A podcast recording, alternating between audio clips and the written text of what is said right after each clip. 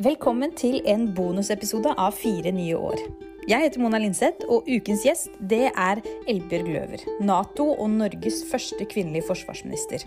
I forrige episode så snakket vi om hvordan året som forsvarsminister skulle komme til å prege resten av hennes liv, om lederskap, Kosovo-konflikten og ta tunge beslutninger som involverer svært mange enkeltmennesker, nemlig det å sende soldater ut i krig.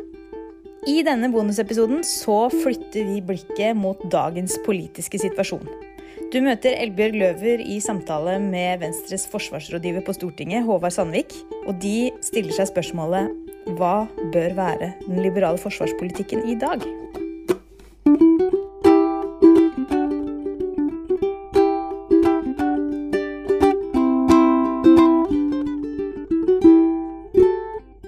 Jeg har lyst til å plukke litt opp på det du snakket om tidligere. At eh, Venstre hadde jo egentlig ikke noe forsvarspolitikk når du ble forsvarsminister. Og hadde vel heller ikke kanskje hatt det uh, i, i uh, nærmere fortid, i hvert fall.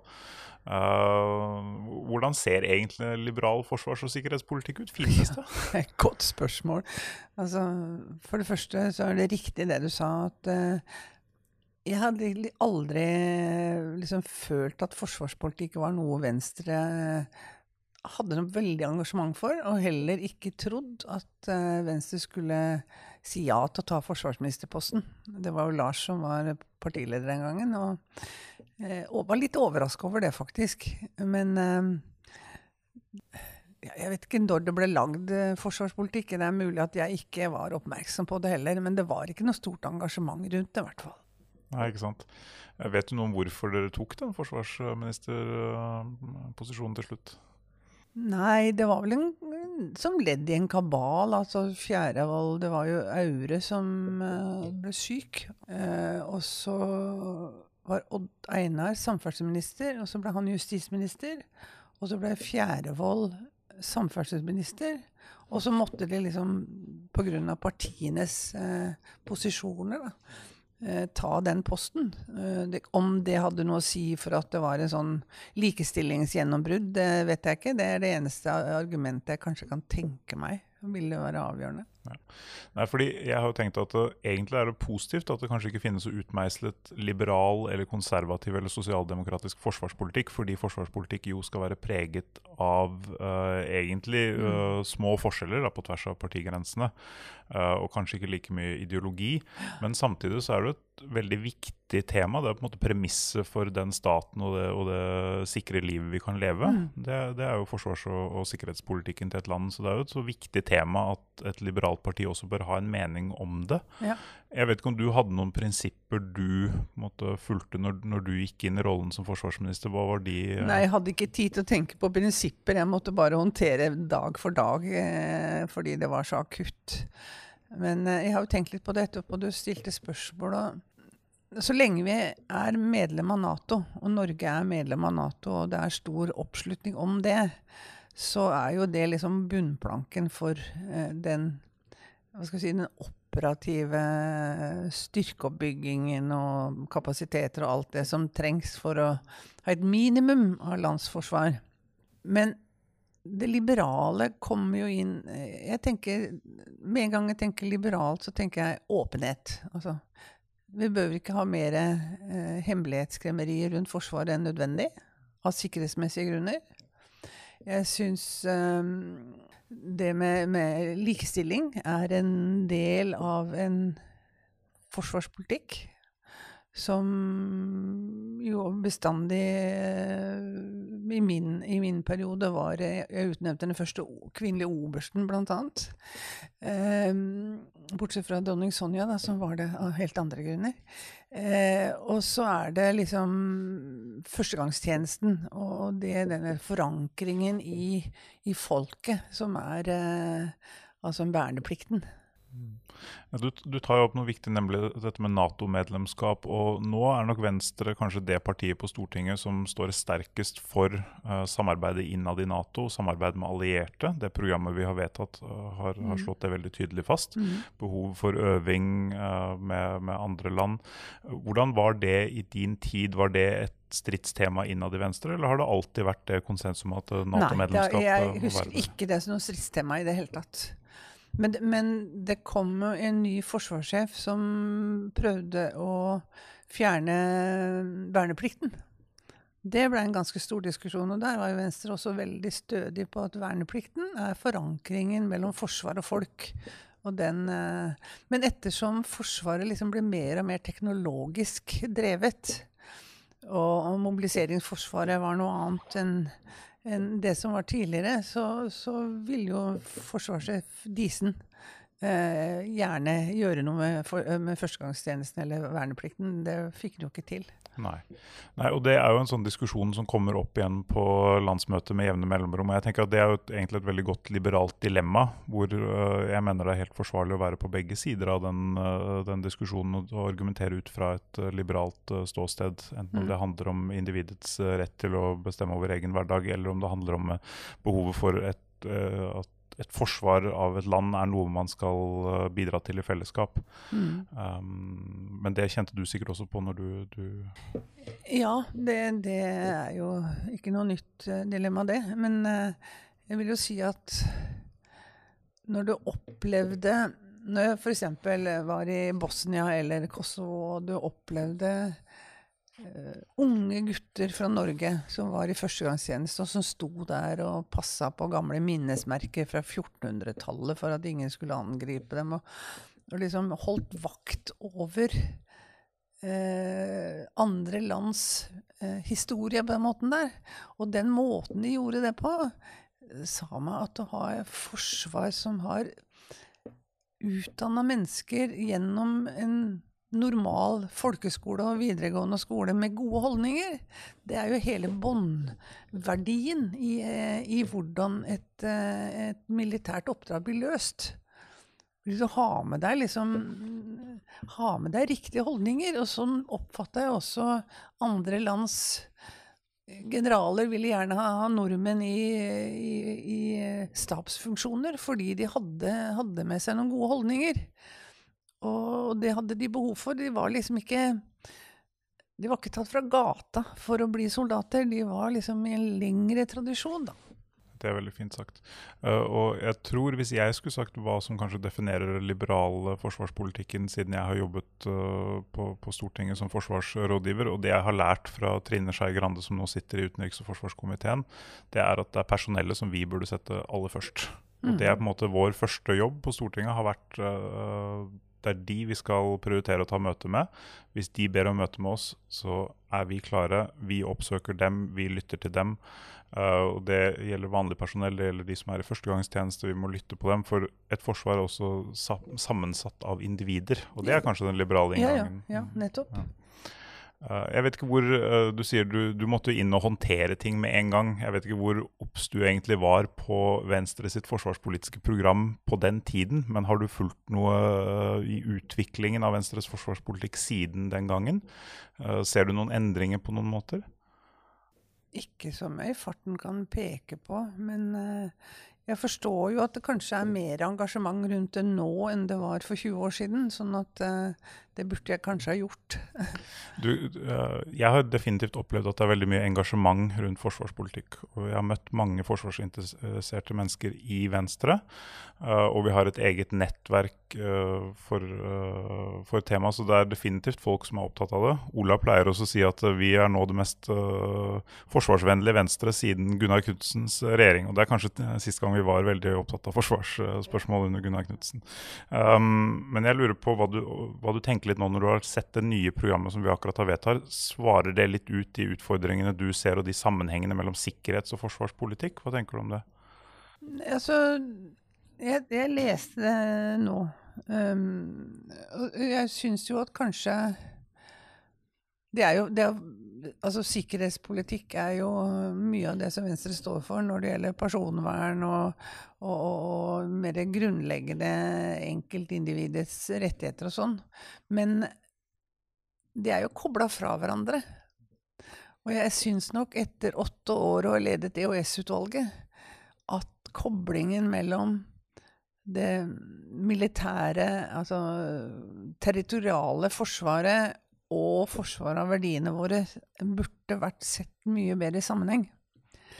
Jeg husker når vi leverte, eller la opp til Nei, jeg satt i et forsvarspolitisk utvalg eh, seinere, uh, som Strøm-Eriksen oppnevnte.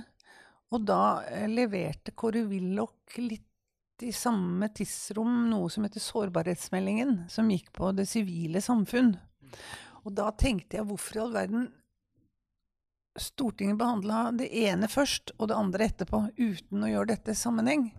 Og så har jeg sett etter hvert når jeg leda EØS-utvalget, at denne, denne, spriken blir for, på en måte mindre og mindre fordi det ene spiller over på det andre. Og etter 22.07. og hvordan man skal bruke militære styrker også i sivile oppdrag, og dette er blitt regulert på en helt annen måte, man behøver ikke tenke, tenke Menstadslaget liksom for det, så er jo også denne denne koblingen, eller denne samspillet mellom politi og forsvar blitt annerledes. Og det er et tegn på at uh, man må ikke bygge for sterke murer mellom de to. Mm. Der har vi kanskje en jobb å gjøre nå inn i de neste fire årene. For det er jo også sånn at når et program er skrevet og vedtatt, så er det jo en stor jobb som følger etter det på å gjøre den politikken som har blitt vedtatt, til, eh, til gjennomslag, og til mm. å knytte sammen de feltene du snakker om. Ja. Men jeg kan jo si at fra egen erfaring også, nå behandlet vi uh, langtidsplanen for Forsvaret og samfunnssikkerhetsmeldingen samtidig på Stortinget, ja. men de ble fremdeles behandlet i to veldig forskjellige komiteer, med to uh, veldig forskjellige grupper personligheter, med temaer de er opptatt av, erfaring erfaringer de har eh, dratt på. Så, så, den utfordringen du peker på, den tror jeg er helt, eh, helt reell, selv om uh, de fra regjering og Stortingets side har forsøkt å, gjort noe med det. Da. Bryte ned de barrierene. Men skal selvfølgelig ikke gjøre det så, så Hva skal vi si Gjøre det en, en samme sak, fordi da blir det jo bare tull. Altså Man må jo holde det Forsvarets primæroppgaver for seg og andre politiet f.eks. og andre andre sivile sikkerhetstjenester for seg. Men man kan jo lage et grunnlag gjennom f.eks. et utvalg eller en kommisjon, er det vel noe SV har foreslått, en forsvarskommisjon. Sånn at man har et felles grunnlag, og så får man heller dele oppgavene når man ser hva som er utfordringene. Og de mest oppdaterte oppgavene, eller truslene våre, kommer jo gjennom trusselvurderingene fra E-tjenesten og PST og Nasjonal sikkerhetsmyndighet hvert år. Så liksom det, der ser du jo allerede at det er eh, sammenfallende problemstillinger som, eh, som kan håndteres eh, på andre båter enn i dag. Ja, ikke sant. Hvordan var det når uh, forslaget til ny langtidsplan ble lagt fram? Rykket det litt i foten til en gammel forsvarsminister da? Ble, du, uh, ble, du, engasjert? Kjente du at Nei, altså jeg satt som, som sagt i det ut, forsvarspolitiske utvalget som Strøm-Eriksen satte ned. Og da hadde jeg Da var jeg veldig engasjert i kompetansen i Forsvaret, for den så jeg De hadde ikke evnen til å lære av sine erfaringer, fordi det var, det var ingen som nedfelte erfaringene. Altså den der kompetanseoppbyggingen som gjør at neste gang du skal løse en oppgave, så gjør du det bedre. Fordi du har lært av det du gjorde feil før. Altså, og etter det så er det kommet en stor eh, reform på utdannelsen i Forsvaret. Man, jo, man, hadde jo liksom én skole for det ene og én for det andre og sånn. Nå har man vel man liksom gjort dette på en mer Eh, riktig måte. da. Man har fått Forsvarets høgskole, som går etter høyskoleloven. Altså, det er gjort noe med det. Det var det jeg var veldig opptatt av i, i, den, i, den, i det utvalget jeg satt den gangen. Så ja, med, altså, man kan liksom ikke være fullt engasjert på alle områder, så det plukka ut den, da. Nei, det er klart det. Uh, litt av det, den erfaringen jeg har gjort meg med den prosessen, var at uh, vi har nå en situasjon der hvor vi uh, står overfor en hel haug med nye utfordringer, i tillegg til at alle de gamle utfordringene fremdeles er ganske aktuelle. Uh, og Det gjør at det blir en sånn stor, uh, det blir stor spagat mellom uh, de oppgavene Forsvaret skal utføre, og hva vi klarer å bevilge og få på plass til at de kan, de kan løse. Og Det er jo veldig kjent fra, Den ene ubalansen som vi ja. snakket om allerede. Ja, ja det har vi snakka om i all tid, tror jeg. Ja, Og den, og den sitter jo der. Så føler du at Forsvaret er på riktig vei nå når det gjelder å, å prioritere de investeringene som vi trenger, eller, eller skulle, vi, skulle vi tenkt nytt? Og, og lettere og mer framtidsrettet? Altså, det er jo sånn med langtidsplanen for Forsvaret, som jeg, som jeg sa. Altså, er, du må ha lange perspektiver. For når du kjøper jagerfly, så er ikke det for å bytte dem ut etter fem år. Altså, det er 40 år, det. 30-40 år. Og det er en investering som også krever et langt perspektiv. Så liksom at det ikke går an å få til et forsvarspolitisk forlik som er kobla opp mot virkeligheten økonomisk, sånn at du kan som forsvar også prioritere sånn som det er bestemt. Altså, det svikter jo Så fort det er mulig å skru ned litt, eller endre på ting, så blir det gjort. Så eh, forlik Det ble ikke forlik nå heller. Nei. Ikke sant? Og det er liksom Det syns jeg er kjernepunktet. Ja. Jeg tror jeg merker jo litt at uh, vi hadde en situasjon der forsvarssjefen presenterte en rekke alternativer. Ja. Uh, og med utgangspunkt i de alternativene så var det nesten politisk umulig for noen partier å gå ut og offentlig si at de, de ville ha noe annet enn det forsvarssjefen anbefalte som sitt alternativ A, sitt foretrukne mm. alternativ. Uh, og det gjorde at resten av den politiske debatten rundt dette ble veldig underlig og litt sånn indirekte. fordi, fordi så det eneste partier turte å gå ut og si, var at vi vil ha alternativ A. Eh, ellers så ble det sagt veldig lite. Og, og, resultatet ble jo en mye mindre ærlig debatt mellom partiene om hva vi faktisk kan prioritere og vil mm. prioritere de, mm. Eh, de neste årene. Og Det er egentlig også litt mitt spørsmål, for i etterkant, både i Venstre, men i, i andre partier også, så har de hatt en diskusjon om dette, dette alternativet som forsvarssjefen på det tidspunktet Brun-Hansen uh, skisserte, og hvorvidt det var på en måte det vi skulle, skulle gå for, betingelsesløst, om, om, det var på en måte det alternativet som vi trengte, eller så var det ingen alternativer. Uh, hva slags refleksjoner gjør du deg rundt, uh, rundt det, for de som har et nesten uh, religiøst forhold til et sånt forslag fra en forsvarssjef? Nei, altså En forsvarssjef har jo ulike måter å tilnærme seg dette på. Jeg husker Det var vel, det var vel Disen det, som, som, sa så mye penger får vi, og da får vi det Forsvaret. Og det er det jeg fremmer. Altså Det er en, en litt kynisk måte å gjøre det på, istedenfor å si dette er mitt faglige råd. Hvis vi skal ha et forsvar for å oppfylle de kravene og forventningene som er både fra Nato og for oss sjøl, så må vi ha så mye penger. Og det veit jo enhver forsvarssjef at det får han aldri. I hvert fall får han det ikke over lang tid. Sånn at det er et evig problem, det der, altså. Mm. Ja, nei, det var jo en underlig debatt på Høyres landsmøte blant annet, hvor det var uh, delegater som da hadde fremmet et forslag om at de skulle gå inn for forsvarssjefens alternativ A, til tross for at de nettopp hadde vedtatt en, uh, en lang, ny langtidsplan hvor de ikke la seg på alternativ A. Mm. Og uh, dette på et tidspunkt når alternativ A hadde blitt fremmet for kanskje ett år siden, ett og et halvt år siden. Um, ja. det, er en, det, er en, veldig underlig, underlig diskusjon. Men det er jo Jeg vet ikke hvordan det er nå, men det var, det var i hvert fall veldig veldig stor tro på det en forsvarssjef sa. Altså, det, det sto veldig sterkt. Eh, og politikerne i, i, forsvarskomiteen den gangen eh, var jo veldig lydhøre for, for, det faglige rådet, og mye mindre lydhøre for det som måtte være den politiske virkeligheten, og det som kom etterpå. Ja. Jeg tror det er veldig klokt, både som for så vidt nå tidligere forsvarssjef og nåværende forsvarssjef har gjort, å si at eh, vi forholder oss til den eh, budsjettrammen vi får, og innenfor det så ber vi dere om å ikke tukle med det. og Sånn sett var det veldig fornuftig med disse alternativene. Men utfordringen var jo at alle som da ikke gikk for det dyreste alternativet, ble med en gang penslet som nesten, om ikke landssvikere, så i hvert fall folk som ikke var opptatt av å gi Forsvaret det de trengte.